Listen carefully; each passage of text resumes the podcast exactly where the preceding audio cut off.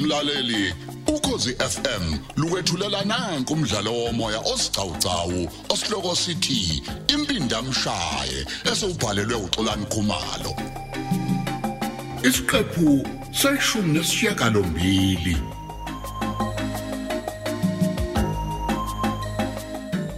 ngize kuzonibikela ukuthi izolo ebusuku kukhona umuntu obezama ukungidlwengula into ephoxayo nje ukuthi ungumuntu engimethembayo kabi futhi ohlonishwayo la emphakathini ngumuntu omaziyo ngingathi nje ungusibali wami ngoba ngesonto yolobolo udadewethu Oh, iyenzeke phi lento ekhaya ubeke phi umdadewenu udadewethu yena usemakhaya okuyilapho ezolotshelelwa khona okay uphi yena lo sibali wakho uhlala khona lapha elokishini okay Mm. lalela ke ntombazana Yebo. iyangale emaphoyiseni ufeke wenza istatimende khona amaphoyisa akiwona azobe siyalisingatha udaba lwakho mhlawumbe besayaboshwa futhi usibali wakho uma ngabe kunesidingo Ay cha cha a- angifuni ukuthi aboshwe angifuni eh ngifuna nje niye komkhomba ngumuntu ukuze angaphinde nje azame ukuyenza lento ebefuna ukuyenza umuntu ozama ukudlengula uma ngabe ubufakazi bukhona uyaboshwa ay ngiyamsaba ngoba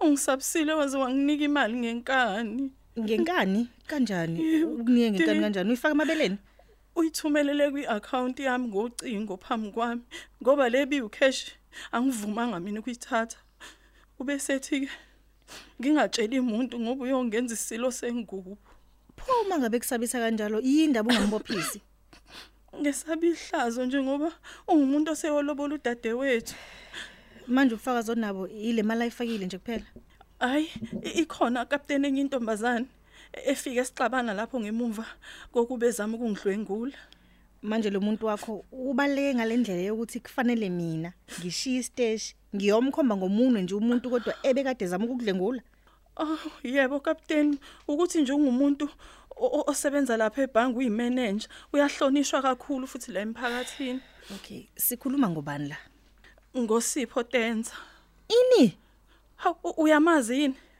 ngiyamazi khona kodwa ngaqala ukumbona kubulawa imeya hayi ukuthi nje a- ayifani naye into yokudlwengula hayi kodwa ngithe mina kuwena nginabo ubufakazi nginawo umuntu ombonile lapha ekhaya ubani lo fakazi nguzinhle ntuli naye futhi usebenza kulo leli bhange asebenza kulona usipho okay kulungileke ngizothatha amanye amaphoyisa siye ukukhuluma naye lo mfana ukuthi nje into engixakayo ukuthi uthi uzama ukudlwengula kodwa wena awufuni futhi ukuthi uvule icala ngempela kunjalo ntombazane Yebo, yebo kunjalo Ayi, a- asizokwazi ukuthi sihambisane nawe ngoba nizovele niqobisane ngamazwi lapha phambi kwethu Eh, ngiyabonga kapteni okay ngoba ufakazi wakho-ke nawe usebhange hhayi kuzoba lula kakhulu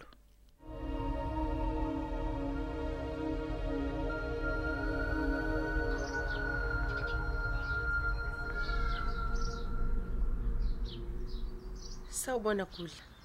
Awu sawubona nkosazana.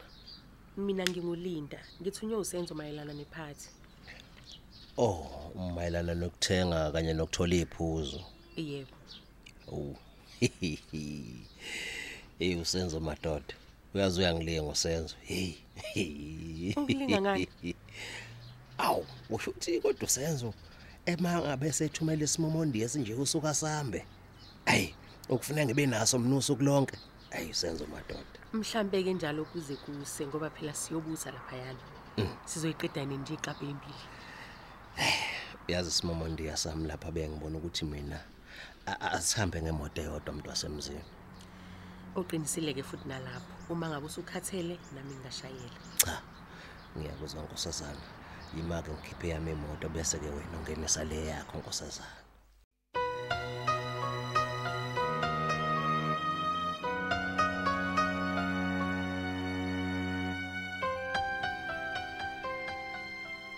nguye kuzinhle lo engifika naye kapteni Eh, sanibonani yebo ni- nisivakashele mayelana nani kapteni eh kade kufika intombazane egama layo kuwuthuli nzama ngiyathemba ukuthi uyamazi hhayi ngimazi kakhulu ngiyakolobola udade wabo nje ngesonto uthuli-ke uthi wena izolo ebusuku uzama ukumdlwengula ikhona into oyaziyo ngalokho hhayi bo ini hhayi nayi mhlola-ke Ha, kapteni ngingathi ngizoshada nodade wabo ngesonto elizayo bese ngidlwengula yena uthi ubuzama kona uze wasitshengisa nje Hayi imali bo. omfakele yona emva kokuthi u- uthi wena ufuna ngatshela umuntu hayi hayi ayikho-ke leyo nto kapteni lokhu kungihlambalaza nje uyile Hayi bo. kubizo lebusuku kodwa wazi kahle ukuthi ingodiso yakho ayikho besikhona isizathu salokho Hey, bengiye kuye ngqo. Futhi bese ngizwile ukuthi imoto yakhe ebisemaphoyiseni uzoyithola namhlanje. Ngibese ngiya ukuyomnikeza imali yokuthi afake upetrol agoduke namhlanje. ubungamningani ucash Ngizamile kodwa wanqaba. Ngase ngayithumela kwi-account yakhe ngefoni. beningazwananga yini naye Hey, captain, uyena ongangifuni. Ukuba ngimfuni ngaba ngiyanga ukuyomnikeza imali. right Hayi. uthuli uthena ke wena ntombazane nawe ubonile sitshele ukuthi uboneni Ah, hayi mina kapteni bengikade nginawo uthuli kodwa bengiyomtshela ukuthi namhlanje kumele alande imoto yakhe endleleni sengibuya ngase ngibuthi hayi ngoba ngikhohlwe ifoni yami mangiye ngoyilanda mase ngifika ngamfica ngabona ukuthi o bano- banosipho Bebenzani? bobabili.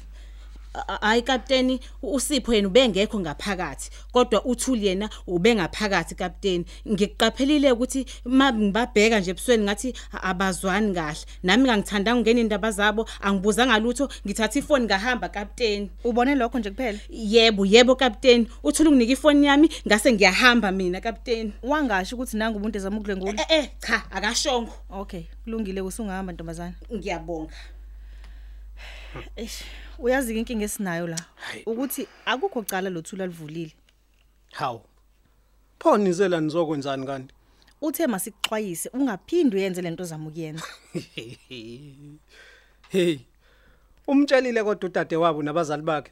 Ah, uthe akafuni ukukuhlambalaza Hayibo. Akukho ukungihlambalaza okudlula lokho kapteni.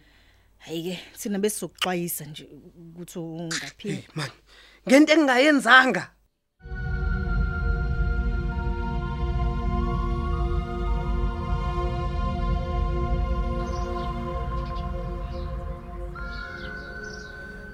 Linda nkosazana, bengizokuthi ngike ngicele ukuba ulinde la.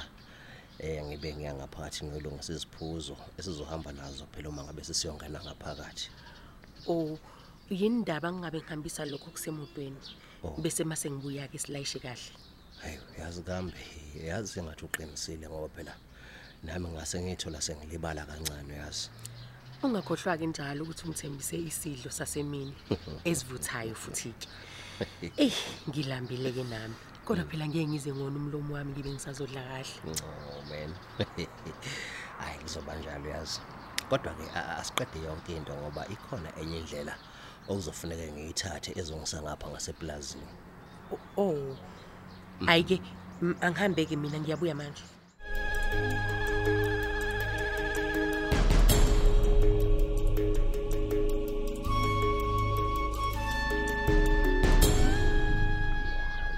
Ahoy, Msayiphoza.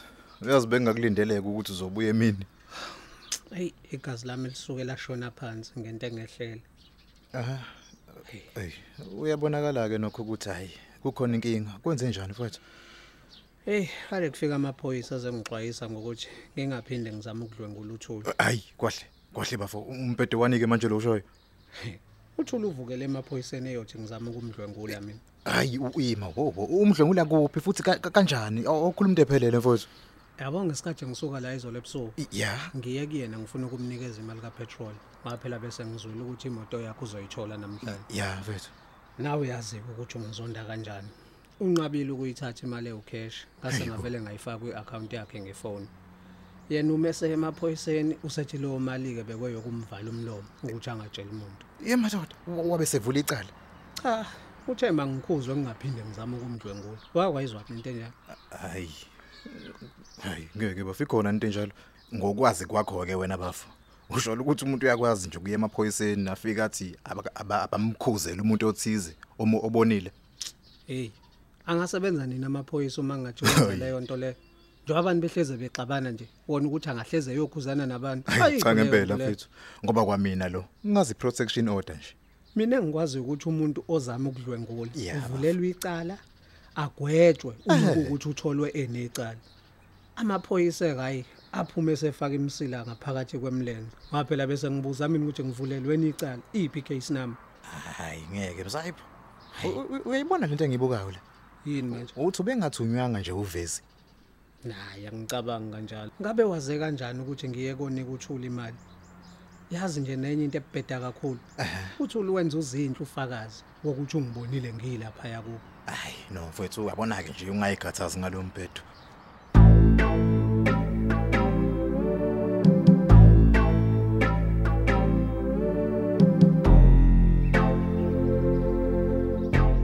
nangu ulinde efika ngemoto kagudla Ewu, imali- wayibuka futhi ubukeka sengathi uhamba yedwa nje hayi engathi Yini? kuyalungake kaze usishiyephi lesicashalala sikavezi amadoda le- lesiphukuphuku simthembe kanjani kodwa akasayi madoda futhi nabo khiye bagudla sheshisa ushintshe senzo ndamfowethu ya ya ya ya ngazile ukuthi ngeke uzuhlulwe yilo msebenzi onalini wow eyi yazi futhi ubeseshiyile ukuthi uye eplazini leli lona thuba-ke lokushintsha ukhiye madoda hayi naso-ke sengiqedile la ya asikhipheni izinto-ke manje emotweni ngihambe angazosole phela isifice singakashintshi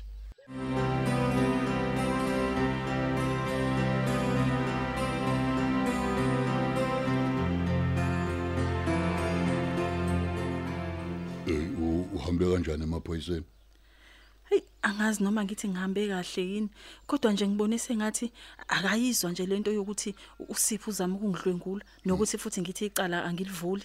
kahle ke usukuthi awezi ukuya nje nokuyomkhuza nje Ah. ke Hayi, ayile khona ukuyomkhuza, Yo. kodwa sesozwa ngozinhleke ukuthi kwenzakaleni. lalela ke sizoya kusipho nawe Ah, ngizombheka kanjani nje mina umuntu ekade sengimqambela amanga? hayi njengabantu abazi ukuthi sixolelene nabo kuzodingeka ngiye ngifike lapha ngikuthethise phambi kwabo ngifuna bakholwe nje bakholwe futhi ukuthi angithinteki kuyo yonke lento mina Oh, eh sizoya nini? sizoyantambama Awu, ungangitsheli ukuthi kuzomela ngixolise mina kubona. angifuni uxolise kodwa ngifuna lezi phuphu kuyicabanga ukuthi angingeni kule nto yenu Ah, kodwa mina ngaleyo ngisale. ndlela ke bazobeka phansi ikhali bese ngibenza isilo sengubo ikakhulukazi usipho ngoba wangitshela la emehlweni wathi ufuna ukungibona njengomahambuma ngingenamali ngenalutho Hayi. Yo. Okusho ukuthi ingakho ke nje sizosenza ukuthi athathe izinto zakho. Oh. Hey. uzongazi mina ukuthi ngubani futhi uyobe sekhohliwe ngivele ngikhwele phezu kwakhe